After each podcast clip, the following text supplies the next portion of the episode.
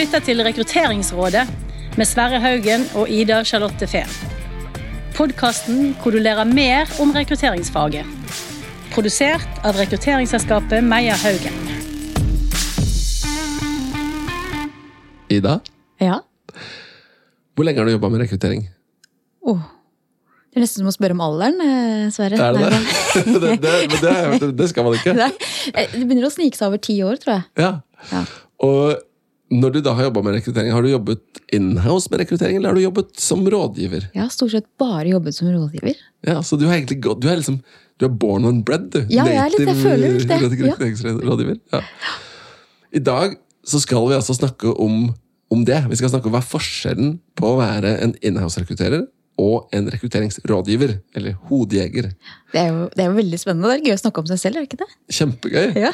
uh, og så har vi med oss en gjest som skal hjelpe oss å egentlig drøfte dette og, og, og liksom dykke inn i dette faget da, som er rekruttering.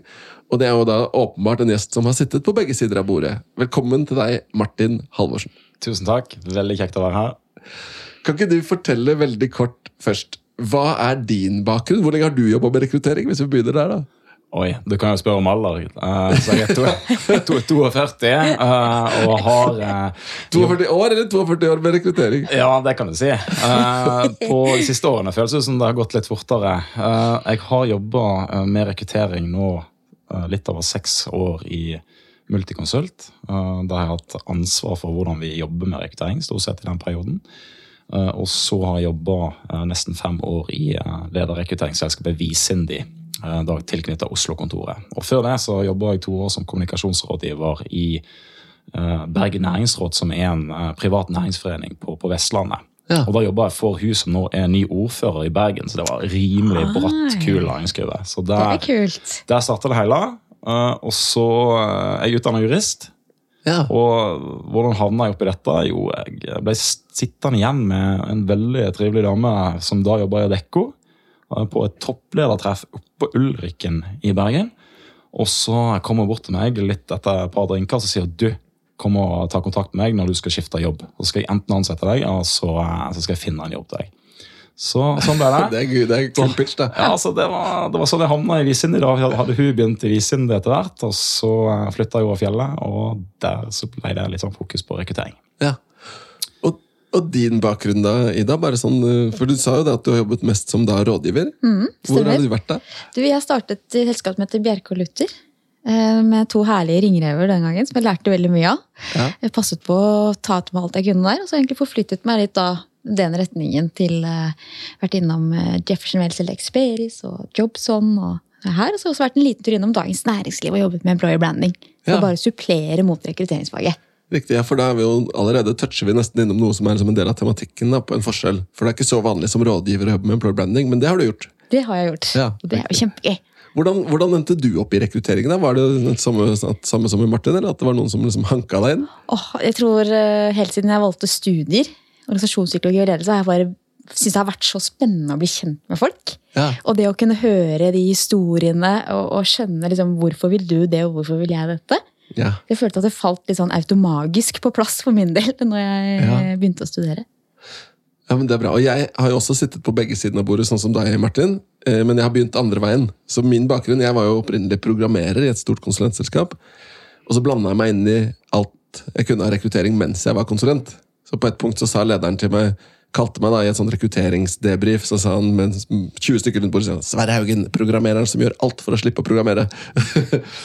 og så gikk jeg da flytta jeg over og ble, gikk inn i HR i Accenture og ble rekrutteringsansvarlig i Accenture. Og så har jeg gått ut, og så jobbet med som rådgiver etterpå, egentlig. Så da har vi motsatt uh, hva skal vi si, kulebane, du og jeg, Martin, at uh, vi er på vei. Men dette er et godt grunnlag da, for å diskutere det som er dagens tekst, dagens tematikk.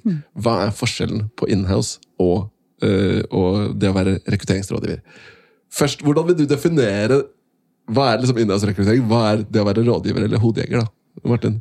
Jeg tror, uh, Du finner jo veldig mange likhetstrekk uh, i begge leirer, men jeg tror det som kanskje er de største uh, skillene, er jo at du jobber med noen forskjellige perspektiver. Eh, Du har en, en annen forretningsmodell, eh, mens en i byrået lever fra en, i sånn en seks-åtte ukers syklus framover, der en ser har vi mat på bordet om seks-åtte uker. Hvis ikke ser det ut til å løpe, løpe, selge, selge. Eh, så jobber vi jo på en helt annen måte, i spesielt et stort selskap hvor vi jobber med, med gjerne eh, da tydelige rekrutteringsplaner, eller i hvert fall noen tydelige mål på ønska vekst, eller opprettholde i forhold til en, en turnover. Uh, og det gjør at vi får en mye mer langsiktig perspektiv på, på, på rekrutteringen. En vil jo da kunne se flere synergier. Uh, en vil kunne jobbe mye tettere med den samme lederen uh, over tid, og sånn sett bli et bedre lag sammen med leder når man skal ut og, ut og støtte dem. Ja, så, så, for da sitter man jo inne, og Hvis du tenker det sånn definisjon, da er, du sånn, da er du ansatt inn i et selskap, og så rekrutterer du til det selskapet. Ja, jeg vil, jeg vil tenke det, Ellers er det jo de selskapene som har gjerne opprettet et eget byrå som de eier og bruker mest sjøl, og så leier de ut litt. Så en av våre konkurrenter gjør jo, gjør ja. eksempel det.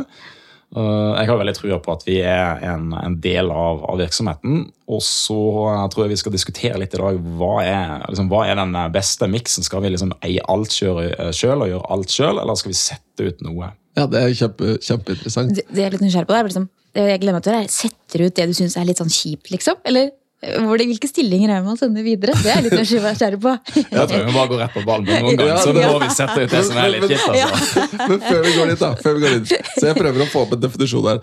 Jeg vil påstå, selv om du, som du sier, Martin, så er det litt sånn noen varianter hvor du har inhouse rekrutteringsselskap som er liksom, du eier dem, og de server deg. Men hvis vi tenker for å forenkle litt, med inhouse så mener vi altså ansatt i et selskap rekrutterer til eget selskap som rekrutteringsrådgiver eller hodejeger eller hjertejeger, eller hva du velger å kalle det, så jobber du altså med rekruttering til høystbydende til ulike selskaper, men får da betalt for å gjøre rekruttering. Mm. Er det en grei definisjon? Jeg tenker det, for Man jobber jo på en måte, så jobber man jo mot, mot kanskje de samme stakeholderne i et selskap. Ja, ofte. Men man kommer med en annen brand i panna. Ja, det gjør man. Det er jo en, kanskje de største forskjellene. På godt og vondt. På godt og vondt. Ja. For, for, hva er forskjellene, da? Hvis vi tenker noe som, hva, hva, tenker vi på som de store forskjellene? Jeg har nevnt én allerede. Du jobber mindre med employer branding når du jobber som rekrutteringsrådgiver, fordi du jobber ikke så langsiktig, da, som du sier. Martin. Nei, altså, du slipper jo helt å selge. Uh, den, det salget går seg sjøl. Behovene strømmer inn. Der er en kommentar. Du slipper å selge kommersielt for å få penger. Du må selge masse likevel. Du må selge masse, og du må jo selge selvfølgelig til, til kandidatene. Ja, Som en sånn konseptuell salg. Ja. Ja, så, men det å løpe, løpe, på byen og få inn salg, ja. og til høystbydende, som et godt bilde, det, det, slipper du. For det husker jeg veldig godt i min reise, da, min overgang. Da hadde jo jeg bare jobbet inhouse og jobbet med rekruttering. Og hadde jobbet med å selge selskapet til kandidatene. og selge stillingene og selger kandidaten også til lederne, litt sånn avhengig av sant, som man gjør som rekrutterer. Og da var det egentlig det jeg var nysgjerrig på her.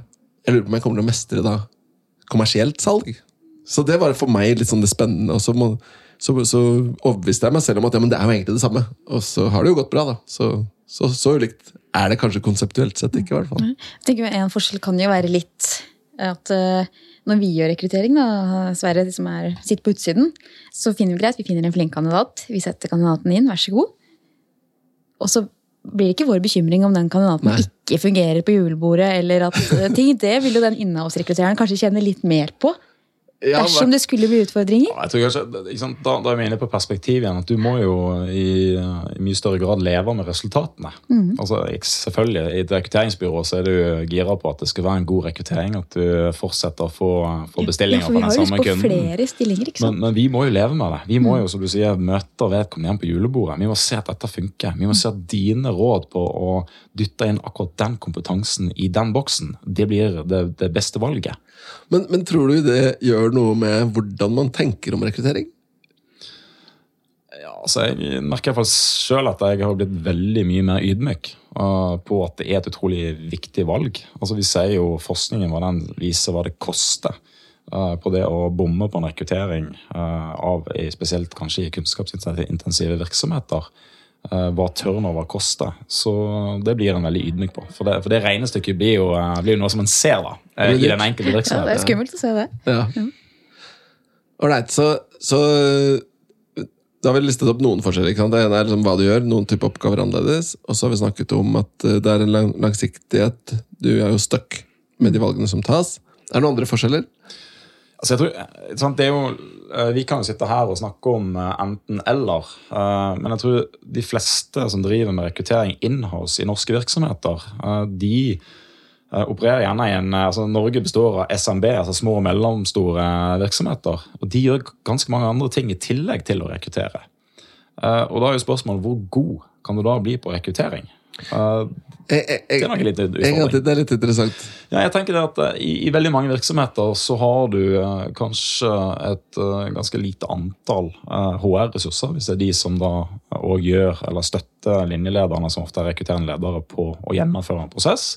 de gjør ofte andre HR-oppgaver òg. spørsmålet er da hvor gode kan de da bli på rekruttering? Mm. Så Eh, jeg jobber jo i et eh, ganske stort selskap, vil jeg si. Vi har i Norge i eh, underkant av 3000 medarbeidere. Og vi hos meg er syv med meg, der vi har fem rene rekrutterere. Og vi støtter da over 200 ledere. Og vi har en setup hvor vi sier at vi skal ta kjernevirksomheten sjøl.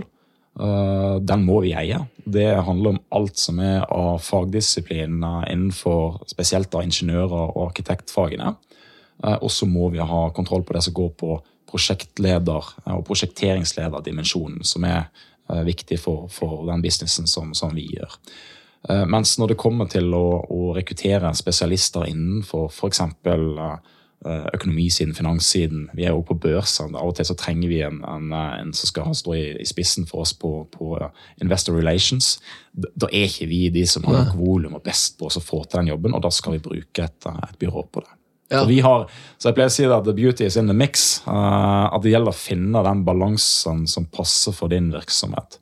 Men hvorfor vil man ha en miks, da? Nå bare spør jeg oppe jeg, jeg liker refleksjonen din. Men hva er fordelen med en miks?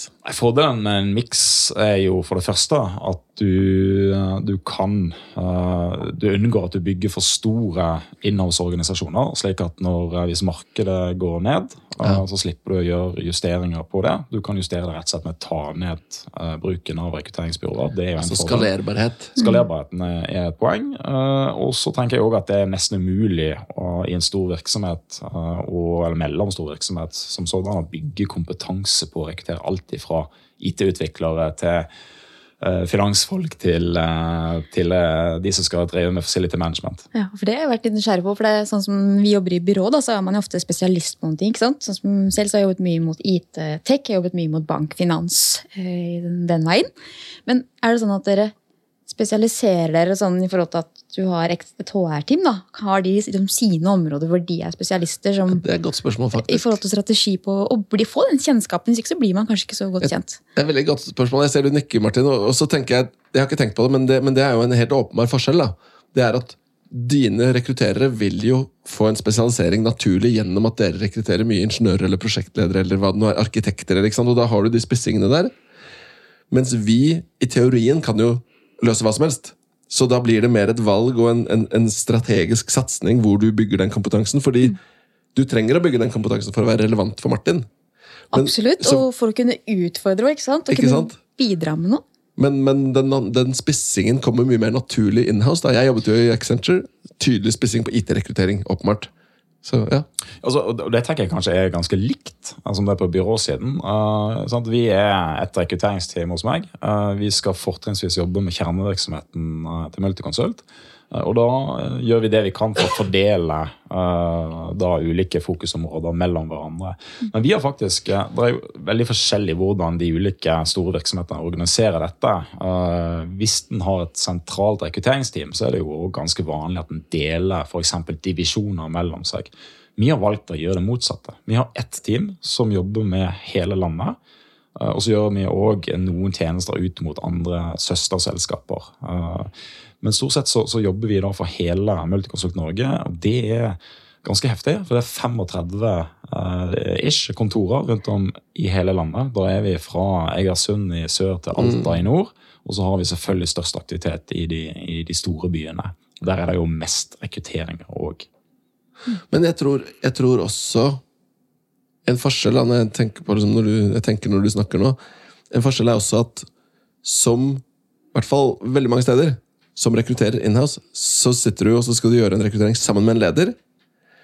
Eh, og da er det litt ditt ansvar, eller du er en del av problemet hvis ikke lederen er god nok på rekruttering. Du, ofte så har rekrutteringsavdelingen også et ansvar for å holde rekrutteringsmetodikk, bestemme prosesser, definere hvordan ting skal være. Som rekrutteringsrådgiver så møter jo vi gode og dårlige ledere.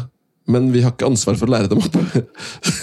Selv om vi kanskje tar det ansvaret litt av og til. Ja, vi, vi, tar vel ofte litt på oss den hatten òg? Ja, men, men Ja. det ligger liksom hos organisasjonen å sikre egen Ja, så kan jeg som, som, som eh, kunde på kundesiden så kan jeg spille den litt tilbake. og Kanskje forvente det at dere, faktisk som byrå evner å, å om ikke lære opp, så i hvert fall trene eh, ledere til å bli bedre Ja. i de prosessene. Og i hvert fall være en god rådgiver. Vi, vi har jo åpenbart et ansvar for Ja, ja. å lære av våre ledere. eh, og vi, eh, vi, Jeg pleier å si det veldig enkelt. Hva er det mitt team gjør? Det, altså det er superenkelt. Det eneste vi gjør, det er å istandsette alle våre ledere til å gjennomføre og ansette den kompetansen som de trenger til enhver tid. Og i det så har vi jo da alt fra den lederen som du nærmest må holde i hånda gjennom hele prosessen. Det kan være en ny leder som bare er interessert og vil lære. Det kan være en leder som ikke har knokket den koden ennå, til den lederen som altså, kan gå ut i morgen og starte et rekrutteringsbyrå. Som er Ja, ja. rågod på dette. Ja, Men hele det spennet, det må vi beherske og gi rådgivning på. ja. Det synes jeg øh, det er veldig spennende at du sier, da, Martin. For at, kan du kjenne litt på at det jeg har tenkt på som en fordel med å være inhouse, er jo at det kanskje føles tryggere å, å kunne utfordre ledere. For at du, har, måte, du sitter der du sitter, og du har den pondusen internt. Mens hvis man kommer fra utsiden og på en måte skal begynne å kanskje veilede, tørre å utfordre eh, og gi gode råd, da, eh, som kan være sånn, kanskje være litt sånn pushy eller krevende innimellom, så er det med at man må føle seg litt sånn trygg i situasjonen. eh, At det er et godt kundeforhold, f.eks. Da. Men mot nye kunder er det jo kanskje litt vanskelig i starten. Men der tror jeg det er litt forskjeller fra organisasjon til organisasjon også. Det er ganske stor forskjell på hvor, hva slags standing rekruttering og HR har internt. Det kan være noen steder hvor det er veldig bra, og så er det andre steder hvor det kanskje man ikke har den standingen selv om man er inhouse. da. Men, men en veldig tydelig forskjell, mener jeg, da, det er liksom sånn uh, Hvis du sitter inhouse, la oss si at din ledergruppe kommer til deg, Martin, og sier du, nå skal vi faktisk, vi trenger 250 utviklere. Og så sier du ja, det tror jeg kanskje ikke vi klarer. Og så sier de ja, det må du bare finne en løsning på, for det er det som er jobben din. Og det slipper du jo som rekrutteringsrådgiver. For der kan jo jeg, hvis du sier til meg Sverre, kan du hjelpe meg med 150 utviklere? Så jeg sier sorry, det, ikke, det klarer jeg ikke. Jeg, Det er klart det er en fordel, og, men, men det er jo der igjen da er jeg opptatt av å ha eh, en skalerbarhet i teamet. Ja. Hvis dette er en satsing som skal gå over tid, uh, og så vi ser at dette er noe som blir permanent, så vil jo jeg gjøre mitt for å bygge opp den kompetansen internt. For da blir jo det en del av, av kjernevirksomheten vår. Ja. Hvis det blir et stunt, vi skal opp på et visst nivå, og så blir det ikke noe mer, så vil det jo gått i et partnerskap med et byrå. Som eh, vi da klarer oss å lande ut en eller annen plan som vi, tror, vi har troa på sammen. ja, Men jeg er veldig opptatt av det eh, når vi går vi tar om bord et byrå. eh, Så er jeg veldig opptatt av å trene våre ledere på at nå er det altså Skal vi lykkes med dette, så må vi sitte på samme siden av bordet. Vi har de akkurat samme interessene med å komme i mål her. ja, ja. Og så er det litt sånn som du sier, du sier du har et forventning til at vi som byrå, eller byrået du jobber med, også bidrar til å hjelpe lederne. Uh, og da må jeg skryte litt, da, for vi har nettopp lagd et digitalt kurs for ledere som har ment nettopp det. da, Å kunne liksom løfte ledere på helt basic things. Og en av de modulene handler om det du sier nå. Hvordan kan du som leder jobbe bedre med HR for å sikre et godt samarbeid og en god prosess, eller med rekrutteringsselskap? Fordi prinsippene er det samme. Det er noen ting som er likt. da. Det tror jeg er kjempesmart. Det var det første vi gjorde når vi starta rekrutteringsteamet i Multiconsult i 2021. Da sa vi hvor er det vi kan gjøre en størst forskjell? Jo, det er at vi skal sørge for at samtlige rekrutteringer som vi gjør, og vi gjør i, i mellom da, sier 450 og 550 rekrutteringer i året eh, for Multiconsult Norge. Eh, Det eh, handler om å ta unna den turneren som er i tillegg til ønsket vekst. Det lukter litt sånn Eh, krutt av det der, ja, det blir litt krutt av det. Men, men sa vi, hvordan i all verden skal vi Vi, vi begynte ut med to stykker som var rekrutterere. eh, tidligere HR-rådgivere som hadde jobba mest med, eh, med rekruttering. Og så sa vi det at hvis vi skal få til noe som helst, så lager vi et stoppunkt og, og, og kjører alle prosesser innom et oppstartsmøte. Så Det er mitt generelle tips til alle som vil komme en vei med innholdsrekruttering. Om så du er én ressurs i en mellomstor selskap, begynn der. Se hvor, hvor mye du klarer å rekke over for å gi den der Har du huska på Nå kommer den. eh, Ja. Kandidaten må du håndtere sånn. sånn. Husk på de som ikke får. De òg må ha en god prosess. Kanskje møter du igjen. Bla, bla, bla. Men det er litt morsomt, fordi, fordi det du beskriver nå, er jo liksom sånn, Hvis man har jobbet mye med rekruttering, så kan man jo tenke på ja, men er ikke det helt åpenbart. da? Men det er jo ikke det, nødvendigvis. Det, det, det, det er noe med liksom Men det handler jo om nettopp det kanskje det jeg sa i stad. Da. Da tar du et eierskap for prosessene. Du definerer opp og sier at sånn, sånn skal vi gjøre det. Uh, ja. Men det er så fint og enkelt med rekruttering. vet du, at det, det er bare å gjøre det du sier du skal gjøre. Og så er det så vanskelig allikevel. Ja, ikke sant? Det hadde vært lettere å selge PC-er enn mennesker. tror jeg. Men apropos salg, da. Uh, du har jo jobbet eksternt som rekrutterer. Hvordan opplevde du liksom forskjellen på det, det der med behovet for å faktisk selge? da? Fordi nå sitter du med pengesekken og kan kjøpe tjenester. Du har sikkert lederne dine som har budsjetter, og sånt også, men, men det er helt motsatt. da. Enten så sitter du på pengesekken og kan kjøpe tjenester, eller så må du selge tjenestene.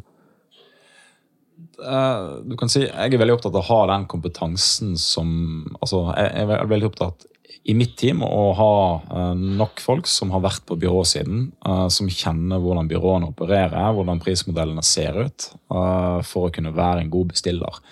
Én altså, ting er selvfølgelig å få en, en god deal, og at det er en, et langsiktig perspektiv sammen. Men så handler det òg om å kunne utøve en, altså en, respekt for leverandørene. Altså De ønsker å jobbe med oss.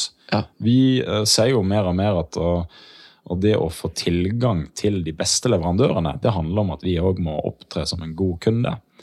Så jeg eh, mener jo at når vi er et selskap altså av, av, vår størrelse, så har vi et ansvar for markedet som helhet. At vi passer på, spesielt de mindre byråene, at ikke de går i bedet på hverandre som er dessverre litt vanlig. Ja.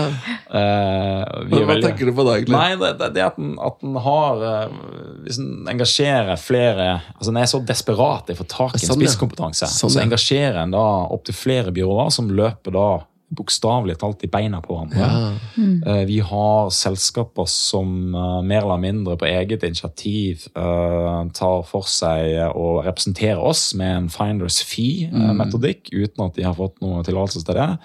Uh, og da har vi plutselig mange aktører som ikke vi har kontroll på ute i markedet, som representerer vårt brand. og det det er vi veldig opptatt av å ha kontroll på. Ja, men Da går du litt inn på kandidatopplevelsen òg, i forhold til det å ikke bli Si at det kommer tre-fire ulike byråer da, små, som begynner å på en måte skippe ut samme informasjonen, og så lurer man litt på hva er det som skjer.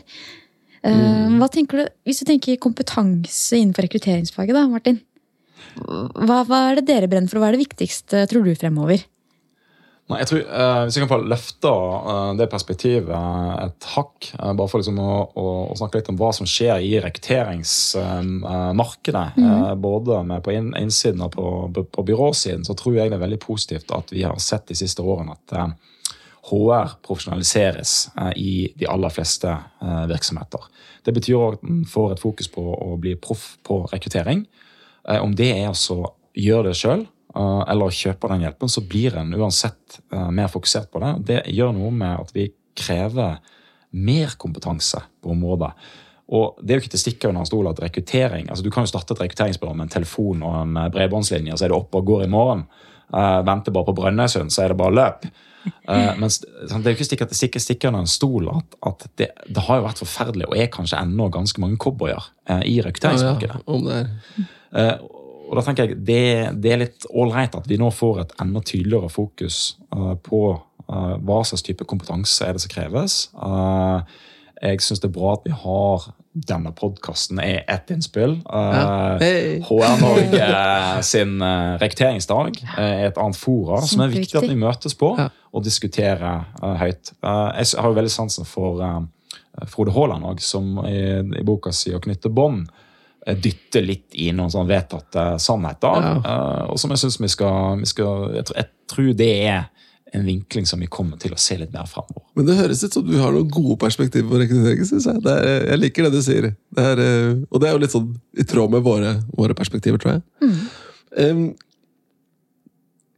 vi, det er et par ting til jeg har lyst til å spørre om. og Jeg, på, altså jeg har jo mine tanker og hypoteser, men jeg har lyst til hva dere tror. Høre hva dere tror. Hva slags standing har man blant kandidater? Som, er det forskjell på La oss si at jeg kontakter en kandidat. Vil jeg bli sett annerledes om jeg er hodejeger eller en innholdsrekrutterer? Ja, definitivt. Uh, vi merker jo, sånn, vi rekrutterer jo veldig mye ingeniører. Uh, vi merker jo veldig godt at når vi uh, ringer selv, så er det framstår det som veldig nært. Troverdig. hvis vi i tillegg har en fagperson som ringer, så er vi rett i da, altså, da, er vi på kjøkkenbordet hjemme hos og har en god dialog nesten fra, fra første sekund.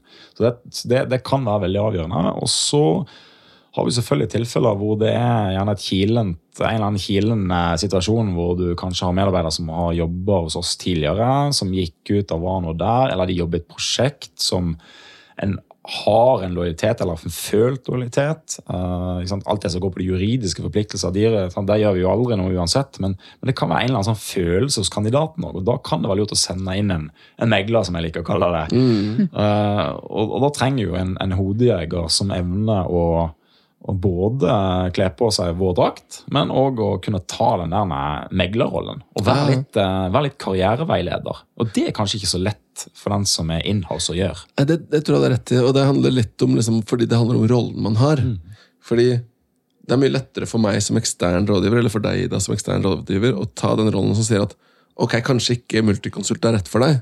Eh, fordi jeg kan jo også lede deg til andre steder. Mens du har jo bare et produkt å selge, det er multikonsult. Og da er det liksom kanskje mer bias, da. Jo, men så er det så fint når du har vært uh, ut, uten i, utenfor i byrået tidligere. Så jeg var jo selv i Visinde, så jeg kan jo si det innhold, så kan jeg si det at ja, jeg var, når jeg var hodejeger, så pleide jeg ofte å si nå tar jeg på meg karriereveilederhatten. Ja, og den funker ennå. Ja, det så, det. Så, så, det så, å prøve å løfte seg, og det mener jeg òg, for det mener jeg hele mitt hjerte, at uh, i det lange løp så skal vi hjelpe folk til å finne det neste steppet i sitt læringsløp som blir riktig og viktig og bra for, for vedkommende. Og så mm. får vi igjen den ressursen på, på et eller annet tidspunkt. Ja. Jeg har jo tatt et kurs i sånn coaching, jeg, faktisk. Har du det? Ja, eh, og det er jo rett og slett og det går an, I forhold til å få den gode dialogen også, så handler det om å vise nysgjerrighet òg. Ja. Og tenker jeg, og forståelse for hva kandidatene har gjort og, hvor, og høre hva er det som er viktig for deg videre. da? Ja, ja. Jeg har noen kule Men, muligheter. Jeg tror det er kjempeviktig, og jeg tror du kan ikke bli en ordentlig god rekrutterer uten å forstå kandidaten og kandidatens perspektiv, mm. og vice versa. Mm. Du kan ikke bli en god jobbsøker hvis ikke du forstår hvordan rekruttererne tenker, eller lederne tenker. da. Mm. Og så er det litt sånn som Du sier, du nevnte i stad at du tror det er fordelaktig for deg å ha noen som har jobbet på byråsiden. Eh, fordi de vil være gode bestillere, de kan få bedre dealer, og de vil kunne sikre gode samarbeid. Og vi er jo alle tjent med at det blir bra. På samme måte så tenker jeg at det er en kjempefordel for oss å ha folk som har sittet in-house. Fordi da vet du hvordan er det å jobbe på den siden? Hva er egentlig behovet når du jobber på in Absolutt, og det, det, er kanskje en av mine kjepphester. Uh, hvis det er én ting jeg savner ute hos byråene, så er det en inngående forståelse for ja, en, forretningsmodellen vår. Mm. Uh, men òg altså, hvor, hvor, er, hvor, er, byrået sin rolle i verdikjeden vår? Hva, hva er rollen din? Hvor skal du kjenne din besøkelsestid som byrå? Uh, jeg savner litt at uh, hodejegerne bruker mer tid på å spille oss inhouse-rekrutterere gode. For vi skal jo stå overfor vår kunde. Ja. Og det, er jo sånn, det ser du jo glitrende på disse råeste executive search-selskapene. Altså de, Når de går inn uh, og skal liksom jobbe mot uh, en kontakt hos oss, så er jo det ikke? Altså, De bærer jo oss fram, sånn at vi kan stå foran vår ja. ledelse på en utrolig profesjonell måte. Ja, det, og det tror jeg er viktig. Og, og, der er det nok ganske mye å hente rundt omkring, tror jeg. For det er jo av og til, altså, jeg vet ikke om du er enig i det, men det er jo av og til jeg får på følelsen at eh, rekrutteringsavdelingen sin største jobb er egentlig å passe på at vi gjør jobben vår å være politifunksjon, og egentlig istedenfor å kanskje bruke oss som en god sparringspartner for å løfte liksom helheten. da. Men ta for eksempel, Hvis du uh, rekrutterer en uh, økonom på et område som alltid har vært en ingeniør som har vært leder. Tenk tilfellet. Uh, og så skal, og Dette har vært en av festtalene til ledelsen. Vi må få inn mer type blårusskompetanse. sånn Og sånn. Og så er du den lederen som tør å gjøre det grepet da må du som rekrutterer, hvis du har vært med å støtte den prosessen, da må du sørge for at dette blir en, en bra opplevelse oppover for den lederen som nå skal presentere at dette er faktisk gjort. Og mm. dette har vi tenkt på. Sånn skal vi lykkes. Så den der spill inhouse, uh, rekruttereren og bestilleren god. Den uh, savner litt mer oss. Ja, vi prøver jo å være ganske på der, fall, på noen av de kundene som vi kjenner ekstra godt. i forhold til det å ha det gode samarbeidet med HR. For at, at, uh, det er jo egentlig de to viktigste til å samarbeide. Til å på en måte skape forståelse fra begge sider. Og det å ja, kunne gi dem den, den lille pushen da, til å være litt føre var. Sitte med litt heads up når de skal gjøre rapporteringer. Eller å kunne drodle med en rekrutterende leder når den kommer i huet og hast i gangen. da.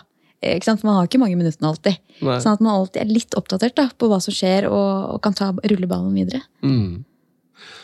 Jeg har lyst til å begynne å gå inn for en landing før vi går på de første spørsmålene. i det. Mm. Og da har jeg lyst til å spørre deg, da, Martin, som nå har sittet på begge sider av bordet. Både som eh, i byrå som rådgiver, men også på inhouse-siden.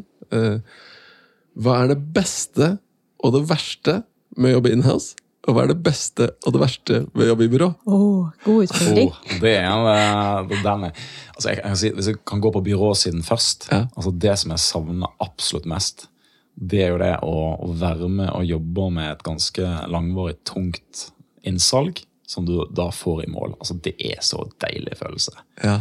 Og det har jeg null og niks av i dag. Ja. Um, det savner jeg. ja. ja. men jeg prøver å ta det ut på andre måter. Uh, det som er det verste på byråsiden, uh, det tror jeg er det som mister altså muligheten til å kunne jobbe med den helheten som det du kan gjøre på, på innholdssiden. ja. Og det å være med og faktisk eh, som, som leder av en sånn type uh, tell management-enhet som vi har, så vil jeg kunne være med sammen med mitt team og, så, og definere hva slags metoder er det som funker for oss. Hva slags struktur er det som funker for oss. Tegnebrettet er helt blankt. Vi kan tegne opp akkurat sånn som det blir best. Og det, det vil du jo i begrensa grad kunne gjøre hvis du er inne og leverer på enkelte Uh, oppdrag.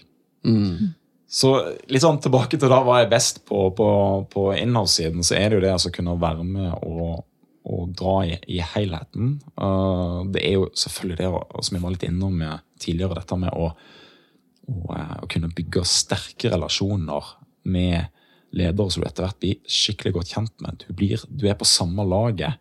uh, og det er raskt. Det er, liksom, det er alltid fordi at du kan bare starte opp, og så er det ikke all den der staffasjen og innpakningen og fine slides og bilder og, og, og sirkus som det er på byråsiden. Um, så det er liksom plug and play.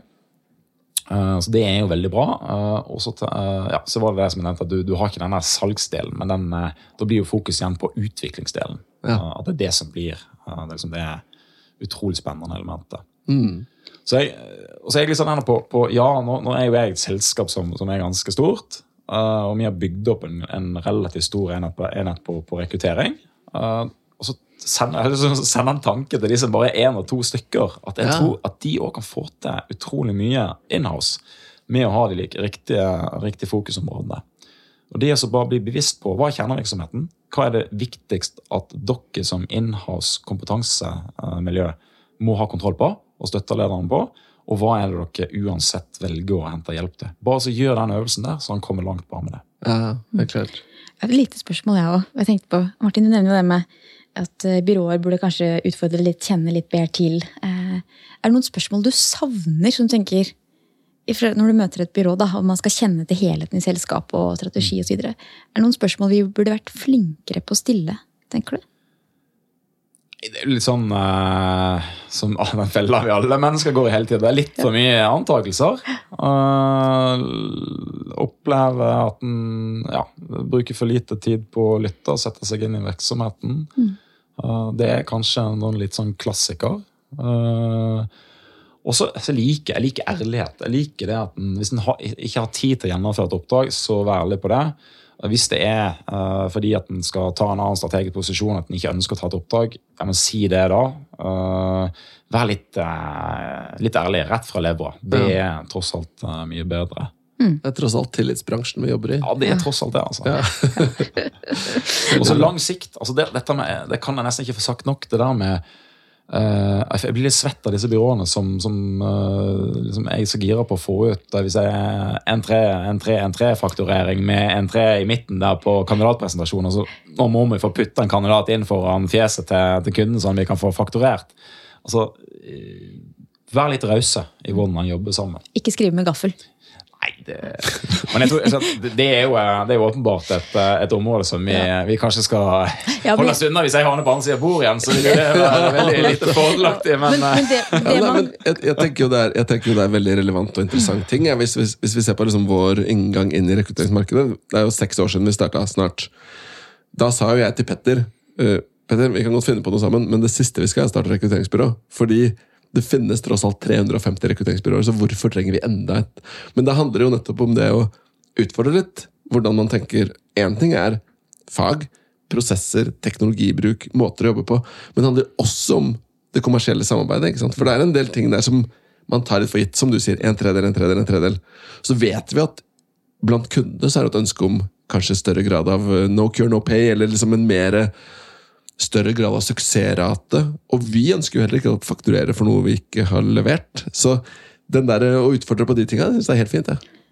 Og så, tenker jeg det, det, det, Du må være relevant uh, når du kommer. Uh, om det er et rekrutteringsbyrå, eller om det er alle disse andre byråene som støtter oss på annonsering eller på tech-siden. Du må være relevant, og du må vite hva du snakker om. Altså, Jeg forventer faktisk av et byrå at du vet hva rekrutteringsmarkedsføring er, og hva som er employer branding. Jeg tenker at Det handler jo mye om å jobbe som vi er opptatt av, i forhold til det å være litt verdidrevet. da. Eh, Og det å tørre og som sa, Martin, tørre å kunne utfordre litt. Og så tror jeg det går mye på det med kommunikasjon. Eh, At man er litt ærlig og sier at nei, skal du gi den lønnen, så, så klarer vi ikke kanskje å fikse det oppdraget. Da bør du spørre noen andre. At man tør å si det at dette er ikke for oss, dette her kan du spørre denne konkurrenten, for den har faktisk eh, gjort det. At man, Ja, ja. at man kan tørre å ta den posisjonen. da. Man må tørre å si nei. Og så er det jo det av og til i tøffe tider litt vanskeligere, ikke sant? for du trenger penger, og du må tjene penger som selskap. Men, men hvis ikke du gjør det, så er det som å pisse i buksa for å holde seg varm. Det hjelper ikke. Ja, man har jo ikke så lyst til å ha vondt i vilja i rekrutteringsbransjen. Nei, nei. Men liksom, Det er jo de møtene hvor, hvor eh, byrået kommer og sier at dette er ikke mulig å løse på, til denne prisen. Det er jo da de gode møtene skjer. Det er da vi kanskje får en wake-up call på at vi må, må, må ta en diskusjon på, på, på innsiden hos oss òg. Så eh, det er et langt perspektiv. Det er jo det som gjør at vi utvikler hverandre sammen. da. Ja, ja. Skal vi, vi nærmer oss jo slutten, da. Det her Ja, kunne vi jo sikkert snakket om en hel, eh, en hel kveld. Definitivt, definitivt. Men vi har jo noen standardspørsmål som vi alltid tar, Martin. Og det første er jo om du har eksempel på din verste eh, rekrutteringsprosess, enten som kandidat eller som eh, rekrutterer.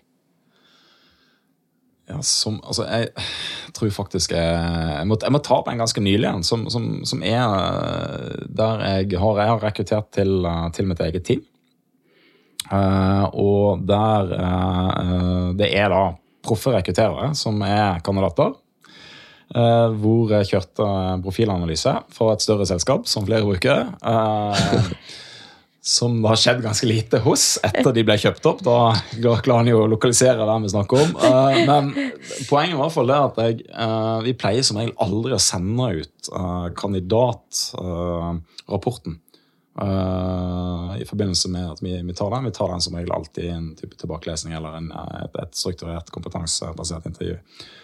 Uh, det valgte jeg å gjøre likevel, siden det var rekrutterere, eh, som da i tillegg eh, de fleste var sertifisert på testen òg.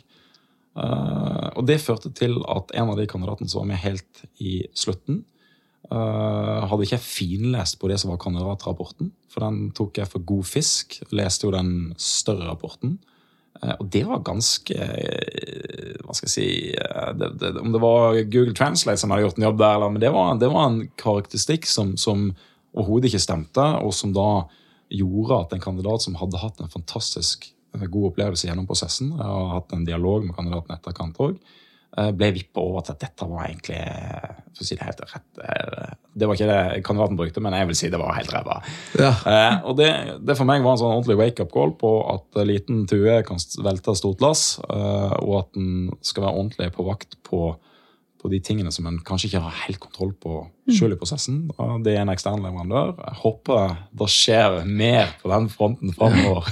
Ikke sant? Og det er, det, er, det er jo kanskje egentlig en egen tematikk. Men så er det også interessant den refleksjonen du egentlig sier nå. Da, hvordan, da jobber jo du med å rekruttere en rekrutterer.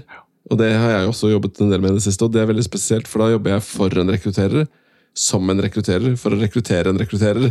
Og, Og da må du, det, i hvert fall jeg er veldig bevisst at da må jeg være in my A-game. Da må jeg være på mitt aller beste. Jeg må ikke glippe på noe.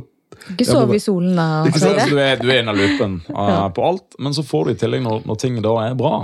uh, så vil jo også en rekrutterer som en kandidat vil gi gode tilbakemeldinger på at ting er Ja, bra. ja. Så det, du får jo kvitteringen underveis, men du får òg beskjed når ting Ja. ikke er bra. Det er, så, så her var det en viktig, viktig læring. Og, og kandidater kan, som du har opplevd, det, for jeg har opplevd akkurat det samme, de kan vippes ut basert på helt andre ting. Sånn at men prosessen blir utsatt. Ja, men det er helt greit, det er helt fint, det ville ikke vært noe problem. Men jeg som rekrutterer kan ikke sitte i den stolen nå og rekruttere på vegne av dette selskapet og leve med at det tar så lang tid. Da blir det utslagsgivende. Så det er veldig interessant.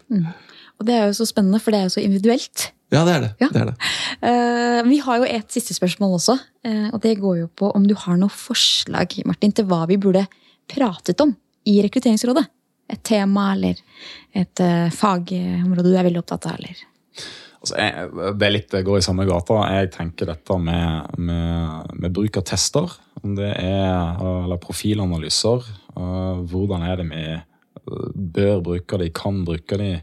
og Lære mer om det. uh, lære litt om uh, hva slags tilbydere der er. Hvordan er det de ser på det. Ja, Det tenker jeg er veldig spennende. det er veldig interessant. Og det er jo mange tilbydere. Og det kommer mer og mer, egentlig. Jeg husker For noen år siden det blir ganske mange år siden nå, så kjørte jeg en test med alle de som den gangen var DNV GL-sertifisert. Tok vi 100 personer inn, studenter, testa evnetest på alle 100, og så så vi. Er det sånn at de som scorer bra hos Qt, scorer også bra hos Assessio? Og så for å se, og det var egentlig, Konklusjonen var at det var mye større variasjon enn vi hadde håpet. så det var jo interessant.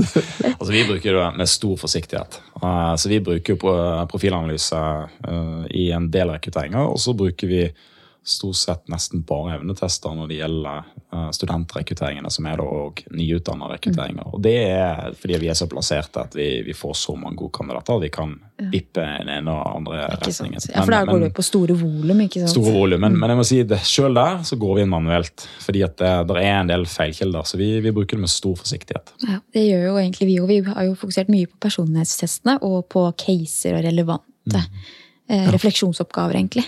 Mm. Jeg noterer meg tipset ditt, eh, Martin. Nå er det lista over, eh, over tips. Og det er jo et veldig spennende område, Veldig. eh, som mange også er positive til, men som også ganske mange er sånn skeptiske til. Så jeg tenker at det er viktig å løfte det opp. Helt klart. Og det er store forskjeller på god og dårlig bruk. og gode og dårlige leverandører, vil jeg også si. Altså, hvis, det, hvis det er lov til å komme med et bonussvar her, så er jo dette med, med egentlig det første spørsmålet den verste uh, rekrutteringsopplevelsen. Altså En serie med røverhistorie der er jo viktig læring. Så det vil jeg jo òg oppfordre til en episode om. Ja, for det kunne man lagd en egen episode. Det er veldig gøy, faktisk. Jeg fikk også, et, vi fikk også et annet tips her, hentet fra inspirasjon fra noen som har sett andre. og Det er å kjøre en episode med ChatGPT som gjest. For du kan jo snakke til ChatGPT nå, så og se hva det, hva det Hva utfallet blir. Ja. Ja. Altså eh, AI og likestilling er jo kjempespennende. ja. Uh, Funker det? Helt Spørsmålstegn. Men vi skal vi sirkle oss inn mot slutten, eh, Sverre. Det skal vi, men først så har jeg lyst til å stille deg det spørsmålet som jeg glemte å stille deg sist, eh, Ida. Hva er, Hvis du nå tenker tilbake på denne samtalen, hva er dine hoved-takeaways? Oi. um, jeg tenker det at uh, samarbeid Det virker som på Martin at det å på en måte spille på lag sammen, og at, man, at de er avhengig av å bruke litt begge deler for å få til eh, gode prosesser også, at det er viktig. Og så tror jeg jeg skal ta med meg det at eh, vi må være litt sånn tøffere, kanskje. Ikke på å være brå og breiskuldra, men å kunne utfordre for å bli bedre kjent med selskapene, sånn at vi kan hjelpe de enda bedre. Ikke sant? Ja, Det tror jeg er minnet i dag. Gode, gode takeaways. Jeg tror for min del så slår det meg hvor viktig det er å ha forståelse for begge sider av bordet. da, Eller begge situasjonene, som egentlig hele denne tematikken handler om. Men jeg har tenkt på det et par ganger før også. Hvor mye lettere det er å levere en god tjeneste når man har en god bestiller. Og, det, og hvordan det gir verdi. da, så det at liksom et veldig godt tips som jeg tror mange burde ta med seg om én ting fra, fra denne episoden. Jobber du med innholdsrekruttering, sørg for å rekruttere noen som har jobba med byrå. Jobber du i byrå, få inn noen som har sittet inne også For det er kanskje det beste du kan. da, den tver, tverrfagligheten på det. Mm. Så tror jeg det uansett hvor man jobber, så handler det om å skape den gode historien. da. Opp til rekrutterende leder, og bort til rett til kandidatene. Ja, det er ikke sant. Ja. Tusen, tusen takk, eh, Martin. Veldig kjekt å være her. Ja, veldig hyggelig med besøk.